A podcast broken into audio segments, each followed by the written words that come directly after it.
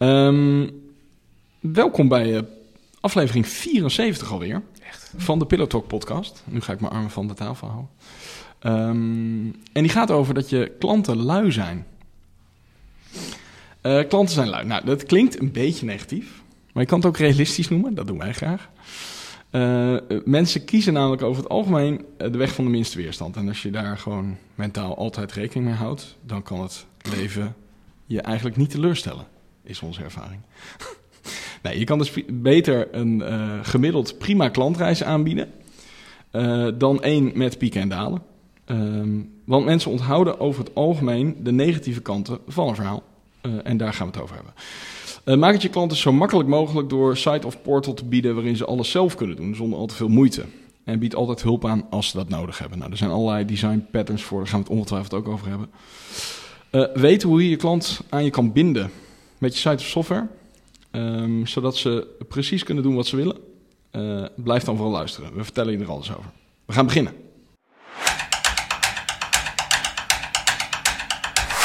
Welkom bij Pillow Talk, de podcast waarin we op zoek gaan naar de ultieme gebruikservaring in het digitale domein en daarbuiten.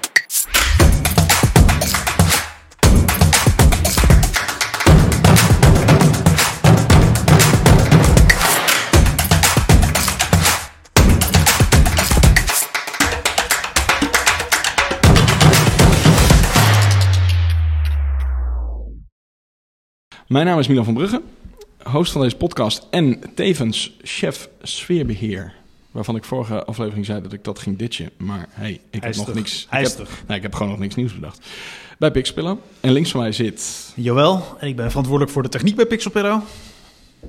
En dan ik, Geert-Jan, verantwoordelijk voor ontwerp Klopt. bij Pixelpillow. Bij Pixpillow ook. Dat dat even duidelijk is. Ja, dat het wel duidelijk is.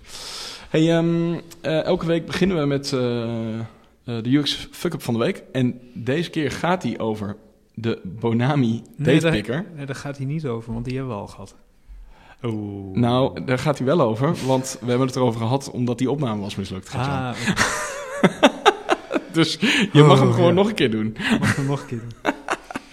Eh, het was iets met eh, dat jij je maand wilde selecteren en dat hij dan eh, grijs bleef, of zo, Ja, toch? ja, ja, je hebt die Bonami Spelmuseum in, Spelmuseum in Zwolle, heel leuk. Heb je games van nul tot nu. Ja. En met veel plezier rondgewandeld met mijn kinderen. Ehm, maar toen ik wilde boeken, was in de vakantie. En ik dacht, dat ga ik niet op de gok doen. Want het was een schoolvakantie. Ik dacht, zo meteen is het hartstikke druk. Dus ik ga reserveren. Nou, Verstandig, ja. ik naar de Bonami-website. Daar kon, je, daar kon je inderdaad ook reserveren. Ehm, en dan kreeg je zo'n kalender voor je neus. Die kalender daarvan waren 30 dagen. daar zag je één maand in beeld. En de overige maanden die zijn dan grayed out, links en rechts. Ja, En ehm, die actieve maand kon je selecteren. Maar ehm, we hadden een dag nodig net daarna. En die, die dagen kon je niet selecteren. En ik had echt veel te laat door dat dat niet was. Om, ik dacht eerst, die, die, die, data, die data zijn niet beschikbaar. Het is druk, het is vakantie. Maar dat bleek gewoon te zijn dat je moest eerst swipen naar de volgende maand. En dan pas werd die maand actief. Ook al stonden die nummers, al, die dagen al wel in je beeld. zag ze al wel. Je zag ze al wel, ja. En ik had bijna niet... eh, ik, had bijna, ik was bijna afgehaakt. Omdat Ja. ik dacht, ah ja, het is vol. Ja. Dus dat is eh, qua usability slecht, maar ook qua business. eh, Ja, dat heeft wel een vrij eh, eh, één-op-één relatie met, met of je daadwerkelijk een ticket verkoopt. Precies, ja. Kun je nagaan hoeveel tickets... Nou ja, het voordeel is Ze wel niet hadden kunnen... Ja. Nou ja, kijk, als mensen... De, de- dat is het voordeel van, van Zwolle. Er is hier nou ook weer niet zoveel te doen. Dus uiteindelijk wil je daar... Je gaat er toch wel een keer heen. Precies. Dus ja. je mist je omzet niet alleen. Misschien heb je hem iets later dan, Ja. dan je... Ja, Dus dat. Oké, nou dat... eh, Dus fix je datumprikken. Fix, Bonami. fix je datumprikker. Ehm, eh, heb je ook eh, wel eens ruzie met een datumprikker op een bepaalde website? Dan vinden we het leuk om dat voorbeeld te horen. Je kan ons op twee manieren benaderen. Ja, trouwens, je mag hier ook wel een keertje aanbellen, maar niet.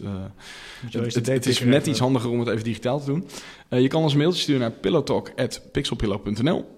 En je kan ons ook een berichtje sturen op Instagram. En dat kan via de handle pillowtalk, de podcast. En het voordeel is, dan blijf je ook op de hoogte van de nieuwste aflevering.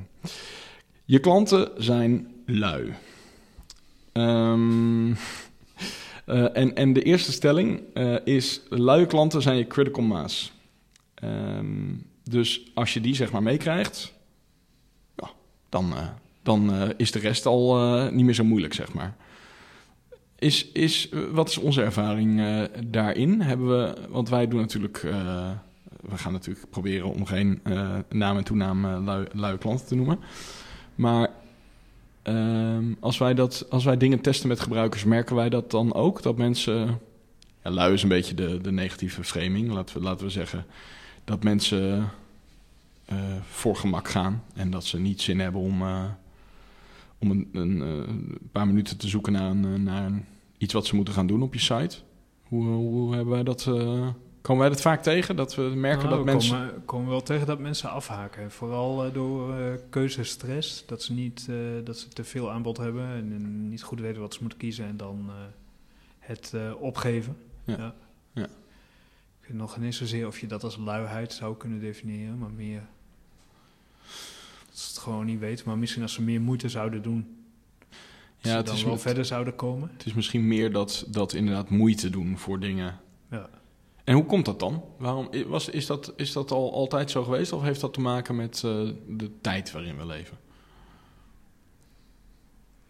Ja, tijd en of je interesse heeft. Denk da, d- eh, dat waar je naar. eh, dus het hangt natuurlijk ook vanaf hoe, hoe kritisch het voor je is dat je vindt Ja. wat je zoekt. Ja, daar hadden we het eigenlijk net met. Gert-Jan wilde heel graag naar Boname. Ja, Ja.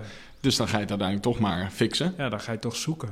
Daar haak je niet meteen af. Ik, eh, want je hoort, hoort ook wel eens van die verhalen over conversie dat. Ja, als een, site binnen een paar seconden niet laat, dat mensen dan al weg zijn en zo. Dat vind ik wel, vaak wel interessant, want dat heb ik zelf helemaal niet, dat Mhm. gedrag. Maar er zijn kennelijk eh, eh, groepen gebruikers die, die dan zo alweer eh afgehaakt zijn. Ja, je, je kan het gewoon in statistieken van Google Ja. zien. Hè? Ik bedoel, als je op, als je op onze site kijkt, het, het zogenaamde bounce rate. Als jij een hoog bounce rate hebt, dan betekent dat natuurlijk dat iemand jou bijvoorbeeld via Google heeft gevonden, daarop klikt en dan op je site komt en denkt van nou, dit, dit is hem niet.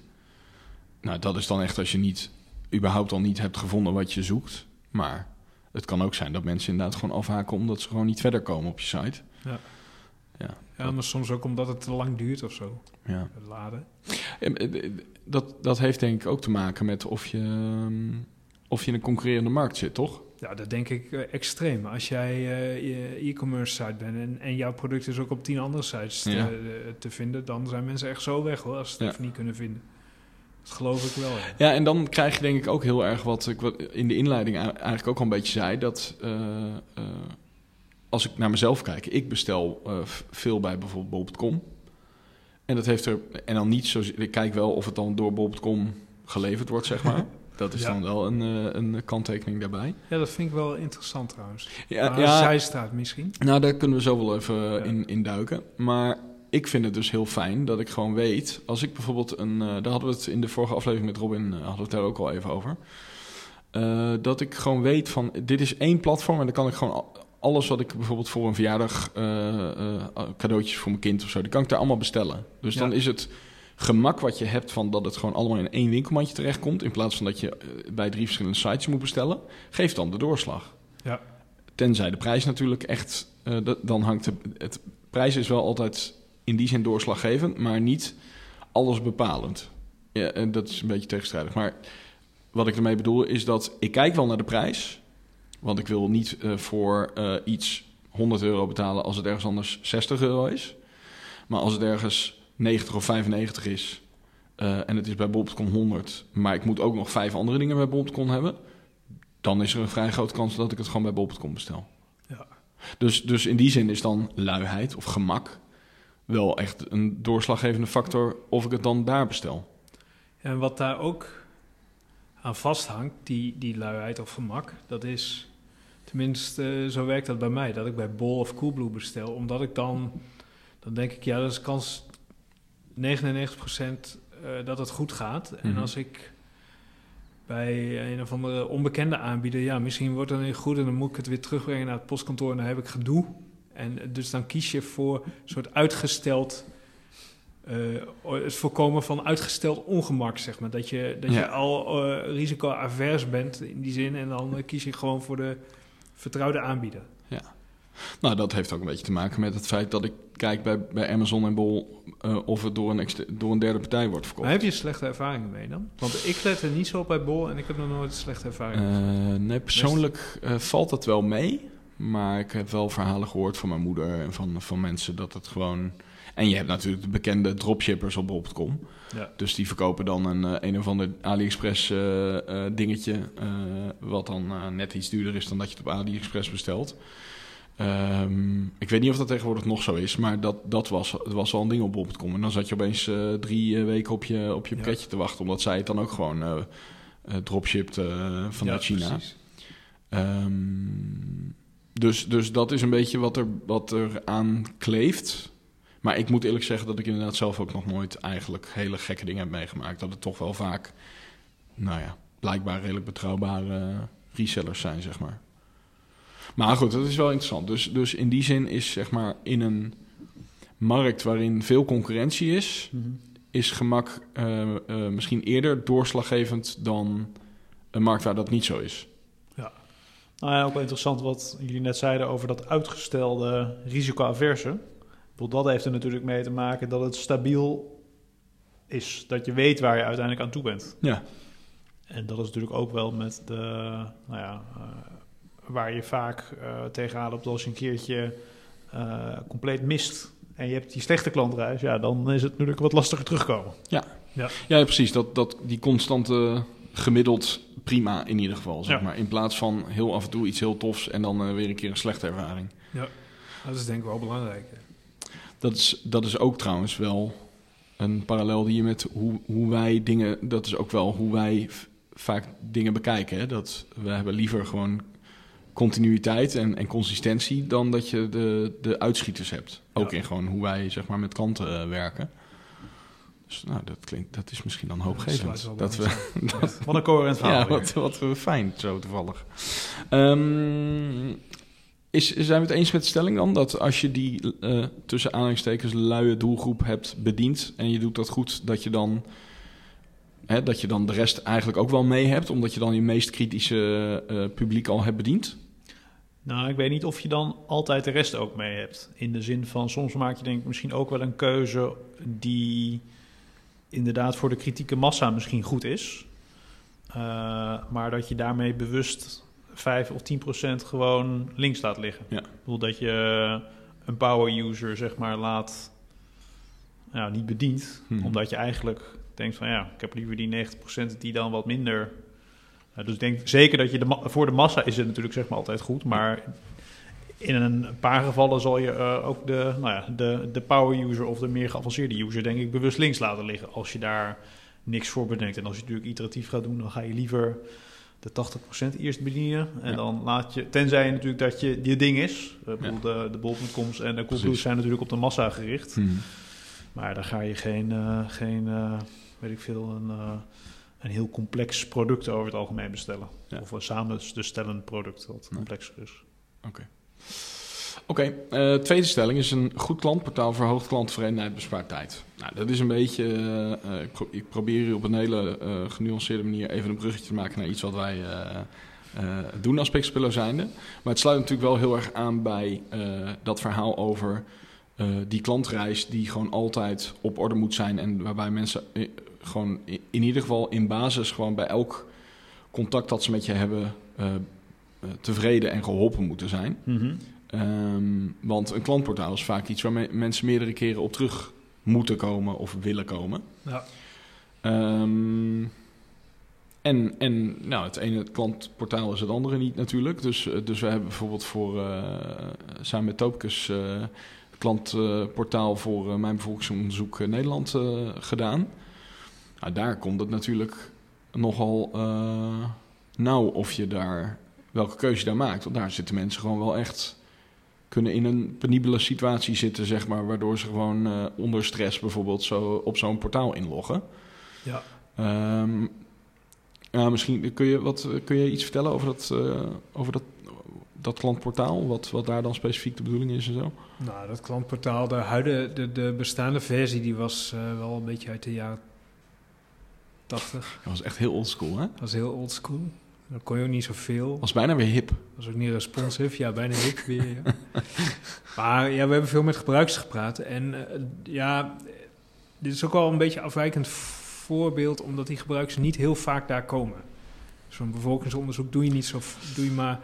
Heel, nee, en als je wel vaak komt, dan weet je gelijk hoe laat het is, zeg ja, maar. dat Dan, is eh, een probleem. ja. Maar wat we daar merkten is dat eh, die gebruikers die wilden eh, vrij eenvoudige dingen, namelijk zien eh, wat de historie was en, eh, en afspraken wijzigen, Ja. eh, et cetera, online. Dat zie je denk ik wel steeds meer tegenwoordig. Hè? Dat eh, mensen willen eigenlijk het liefst zelf hun afspraken en eh et cetera inplannen. Bij, eh, dat geldt ook denk ik voor tandarts en, en kappers en zo. Het is veel handiger als je gewoon Ja. Eh, open slots hebt waar je iets naartoe kunt schuiven... dan dat je met iemand moet gaan bellen en agendas naast elkaar leggen. Ja, Dus ik, wo- ik word daar helemaal uh, krankjongen van. Als je bijvoorbeeld een schoorsteenveger hebt of zo. Dat van die mensen die dan Ja. gewoon een, eh, een briefje door je de brievenbus nog doen. En dan zeggen, dan heb je een afspraak. ja, Ja, Thanks, man. eh, nee, niet. ik dacht het niet. Ja, nou, eh, trouwens, in veel van de gevallen is het dan... Dat heeft ook weer met lui uit te maken. Of met, met mentale bandbreedte.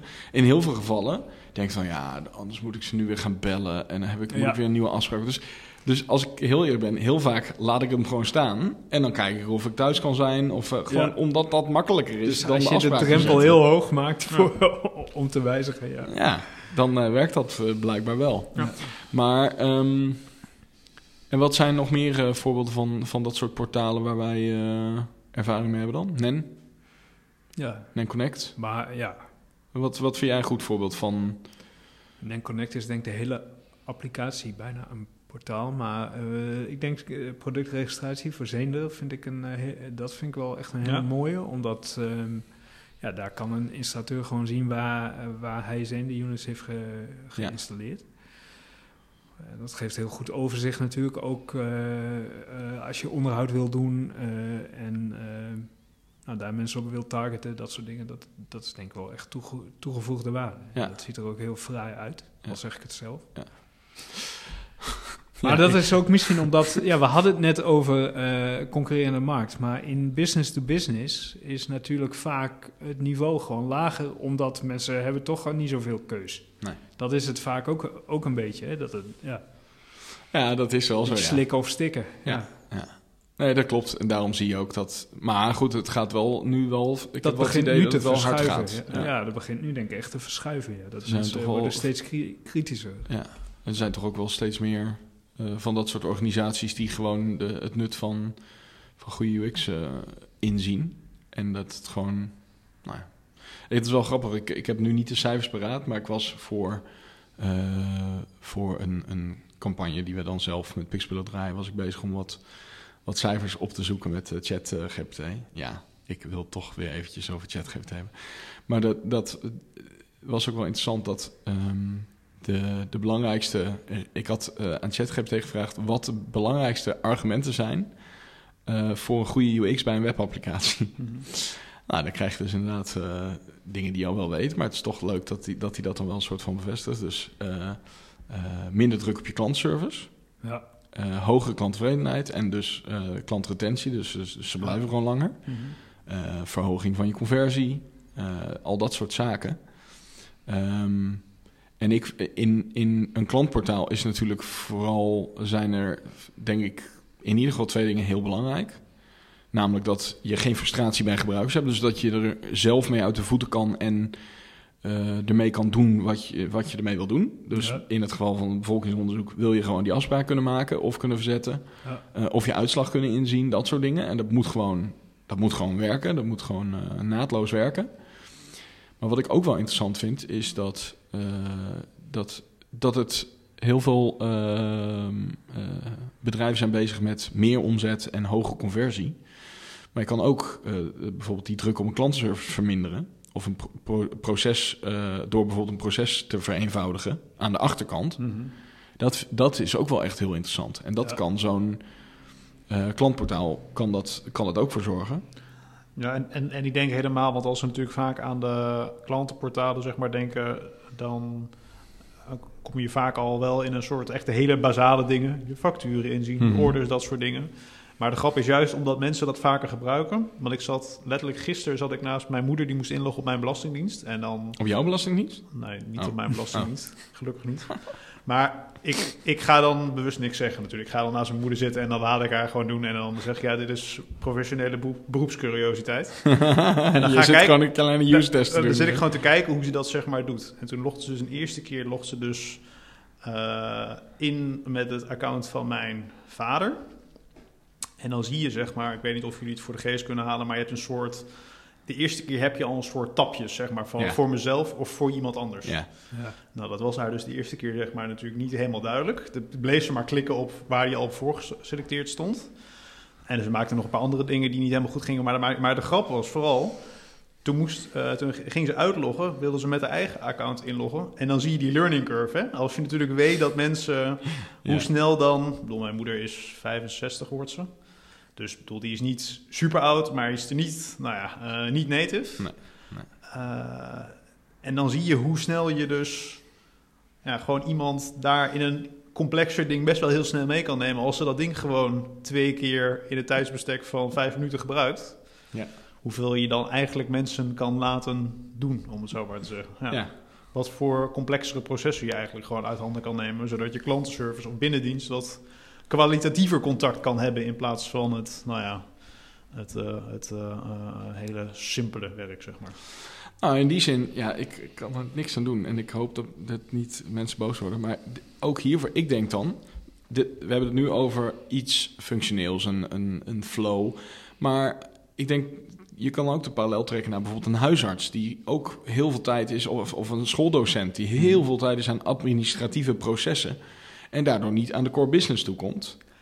Nog eentje voor mijn moeder. Oh. Die werd dus vrijdag gebeld door de huisarts of ze haar afspraak voor het bloedprik al wel niet gezet had. Ja, dan zak ik me echt de moed in de schoenen als ik dan zeg maar hoor dat ze zo druk zijn bij de huisarts. Toen Ja. nuanceerde dat iemand dat wel van ja, dat was, was een praktijkondersteuner. En er zit ook een, een businessmodel voor hen achter om die mensen naar binnen te krijgen, want dan krijgen ze weer euro's. Ja. Maar ja, ik denk dan wel, ja, als iemand dit gaat, die hierover gaat bellen. Ja, mijn moeder reageert ook op sms'jes hoor. Of die, eh, die leest ook wel haar e-mail. Uh, Ja. En helemaal voor dat soort gezondheidsdingen. Ja, dat, dat, er zullen mensen zijn uh, die daar dan niet op zo'n mail reageren. Maar ik denk toch dat de meeste mensen die die richting op gaan en snappen hoe dat werkt. Ja. Als het over hun gezondheid gaat. Ja, Maar goed, bij mijn, bij mijn huisartspraktijk, en volgens mij is dat ook die van jou, lopen volgens mij zeven van dat soort eh, eh, ondersteuners eh, rond. Dus dat geeft wel een beetje aan hoe druk ze ermee zijn. Mhm. Eh, Maar bij, bij, bij onze huisartspraktijk kun je wel trouwens eh, online afspraak Ja. maken. Heb je dat gezien? ja, ja, met mijn Maar- gezondheid. Maar ik had dat gedaan laatst, maar ze leken bijna een beetje verbaasd te zijn dat ik dat online Ja, had bij- gedaan. bij ons- omdat iedereen belt. bij, ons, bij ons ook. Terwijl ik dacht, superhandig. Ja, ik, eh, ik was er dus. Ik ben echt nooit bij de huisarts. Nee. Eh, en ik was daar dus de laatste keer. En toen zei hij ook: Oh, ik zie dat je alles al hebt ingevuld op mijn gezondheid.net. Eh, ja. Ja, waar had ik het anders moeten doen? Nou, dat was dus inderdaad echt bijzonder. Nou, dan zijn wij dus misschien wel de enige twee die dat hebben gedaan. Heb, zijn jullie iets van elkaar of zo? Ehm, nee, eigenlijk niet. Nee. Nee. Maar dat werkt goed. Maar we zitten toevallig, nu, ik weet niet of we nu nog bij dezelfde huisarts zitten, maar dat zaten we wel Ja. eerst. Maar maakt niet uit. Ehm, Ik, ik hoor duidelijk dat het geen sponsor is van de podcast. Wordt niet genoemd. de, de Phoenix. Ah, Ja. Hier in En, Zwolle. en die huisarts is heel blij. Is het, Hele blije huisarts. is het Henk? Nee, oké, Nee, we- zijn een beetje aan het sidetracken. Maar, ehm, eh, maar, maar waarom ik er- erop kwam, is dat, dat eh, ja, een klantportaal of een, zo'n, zo'n omgeving, cliëntomgeving, hoe je het wil noemen, die bespaart als mensen het gebruiken een hele hoop tijd. Voor zowel de, de huisarts of de ondersteuning of, eh, en jezelf. Ja. Dus het is toch fascinerend dat dat nog niet gebruikt wordt. Maar ik zat ook te denken, en volgens mij, ja, dit wordt een heel wazig verhaal. Maar in ieder geval, ik las een, iets over een, eh, een arts. Die, eh, oh nee, dat zei Maartje, zei dat, er, dat ze iemand kent, die is huisarts. En dat hij dus als experiment, ze doet geen diagnose met ChatGPT, maar als experiment zeg maar bepaalde informatie uit, uit zo'n AI probeerde te trekken. Ja, en dat dat gewoon al, dat ze gewoon heel erg schrok van hoe nauwkeurig dat is. Eh, Hmm. Omdat al die documentatie en Hmm. diagnoses zijn natuurlijk best wel. eh, kijk, het stellen van de diagnose is niet makkelijk. Maar als je eenmaal weet wat het is, en bijvoorbeeld, eh, volgens mij wilde die vrouw een, een spreekbeurt geven over een bepaalde aandoening op een school of zo, gewoon voor de, Ja. voor de kinderen. En eh, nou, zei ze, maak een presentatie van dit en dit over dit onderwerp en spits het toe op een leeftijdsgroep van dat en dat. Nou, dan kwam er iets uit en uh, ze zei, nou, ik eh, vond het eigenlijk best wel netjes. eh. Dus de combinatie tussen, tussen AI aan de ene kant en eh, gewoon een goed eh, portal wat eh, en je gebruiker eh, in staat stelt om makkelijk iets te doen, zorgt er volgens mij voor dat huisartsen het over een paar jaar toch weer eh, gewoon rustig zouden moeten kunnen hebben. Lijkt mij. Ja, rustig. eh, Ja, denk ik wel. Ja. Ja. Dus, ehm, en in business to business, eh, gewoon, hè, dit is dan natuurlijk wat meer de, de hoe zullen we het noemen, de, de, de zachte kant van, eh, eh, van. Maar als je gewoon keiharde business hebt, ja, daar kan het natuurlijk ook ontzettend helpen als je, eh, je, als je klantenservice het gewoon minder druk heeft, omdat mensen gewoon precies weten wat ze moeten doen.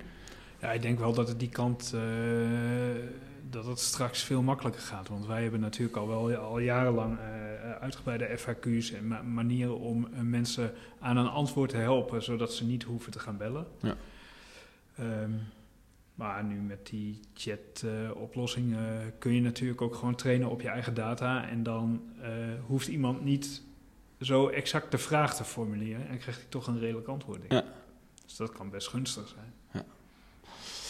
Ehm, Oké, genoeg over klantportalen. Ehm, de laatste stelling is: merken die je niet laten nadenken, don't make me think, hebben de toekomst. Ehm, dus dat is een beetje voortdurend, maar nog weer even een stukje uitgezoomd. Eh, als je. ehm, dat, dat het steeds meer. Eigenlijk is, de, is het punt. Is, het gaat steeds meer om vertrouwen, zeg maar. Als jij. eigenlijk wat jij net al zei. Als ik gewoon daar iets bestel en het gaat altijd een soort van goed. en het kost me geen ge- gedoe. Het, het levert me geen gedoe op. Dan vertrouw ik die club en dan blijf ik loyaal om die reden, zeg maar. Ja. Ehm, is, is dat zeg maar de nieuwe... Ja, het is niet de nieuwe currency, maar in die zin ook misschien wel tijd. Of het gebrek aan tijd. Is dat zeg maar gewoon... wo- Ja, blijft dat zo? Of, of, of gaat dat weer weg? Of hoe zien jullie dat? Zijn, zijn merken daar in de toekomst van afhankelijk? Van hoe makkelijk je het je klanten maakt? Wordt dat nog bepalender? Nou ja, ik zat laatst, eh, ik weet niet meer welk onderwerp het eh, precies ging, maar ik was naar een bepaald product aan het kijken. Volgens mij was het iets voor bij het huis. En op een gegeven moment, eh, ik zat later op de bank en dacht ik, maar wat is nou het, het, het onderscheidend vermogen waar ze nu allemaal op zitten? Hè? Het is allemaal is het hoogwaardig, een beetje zoals wat je, Mhm. als je de kernwaarden van bepaalde bedrijven naast elkaar zet. Ze zijn allemaal transparant en En- ze zijn allemaal flexibel En authentiek, hè? en authentiek. Persoonlijk ook trouwens. Persoonlijk en authentiek. Ja.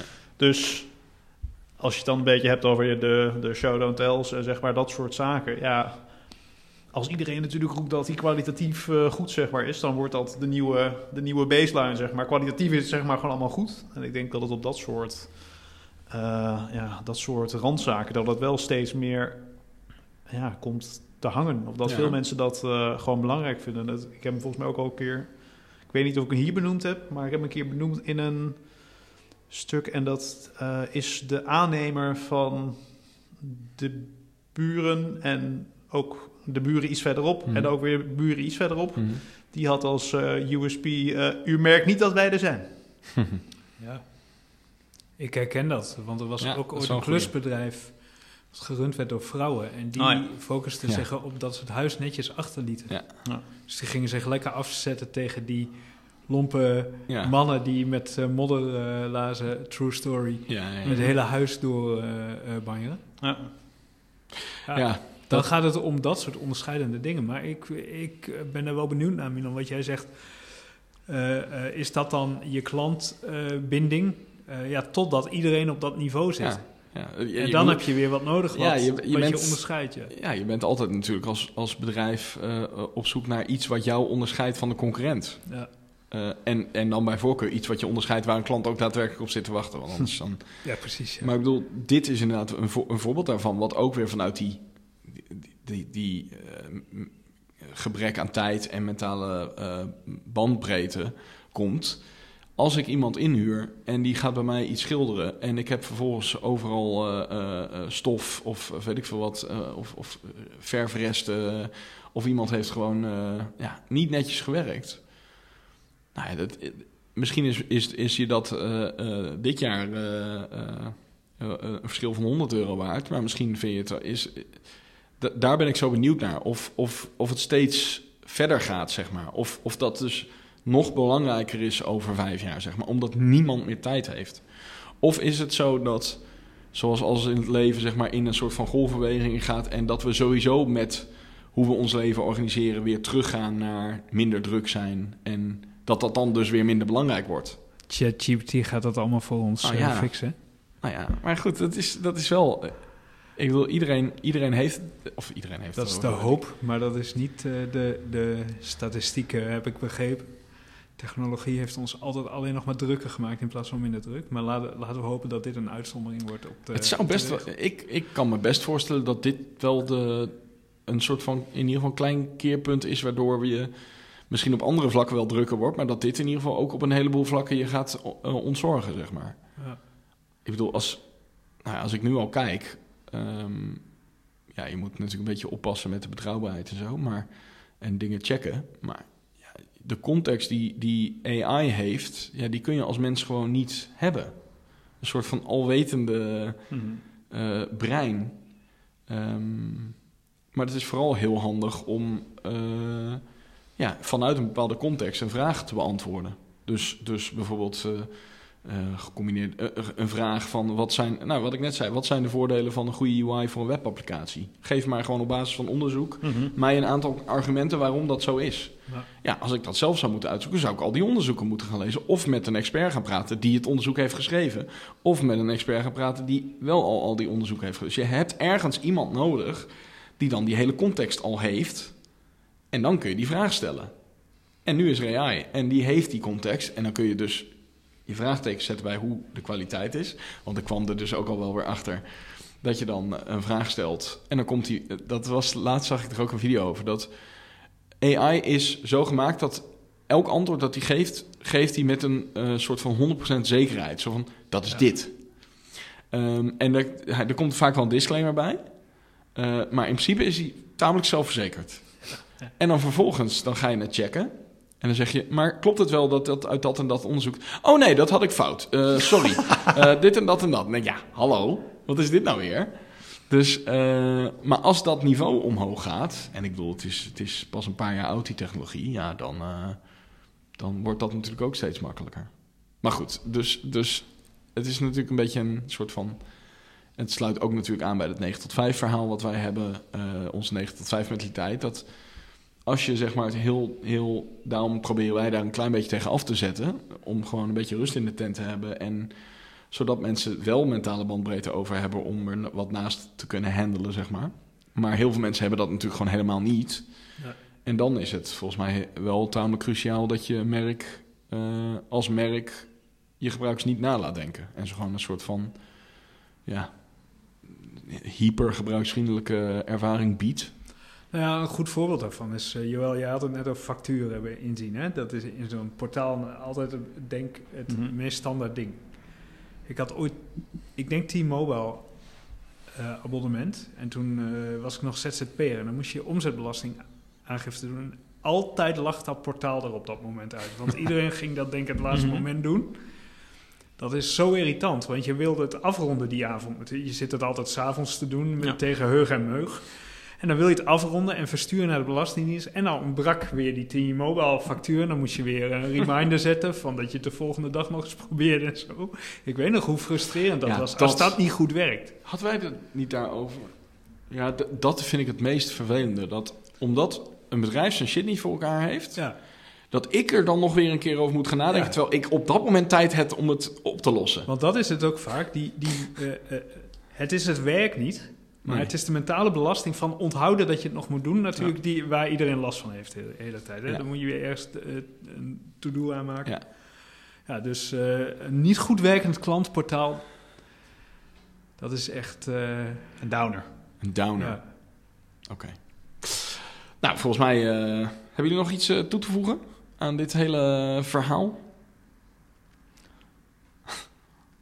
Nee, het is wel mooi full circle aan het einde van... eh, Ik zat even te denken over de klantenportalen... waar dan dat soort, eh, dat soort hele vervelende dingen je compleet... eh, want ik heb hetzelfde dus met bol.com. Mhm. Ik ging er niet op in net, maar waarom ik ook bol.com... ook als wij zakelijk bestellen, vrij irritant vind als mensen dat doen. Want als je zo'n bestelling doet bij een derde partij...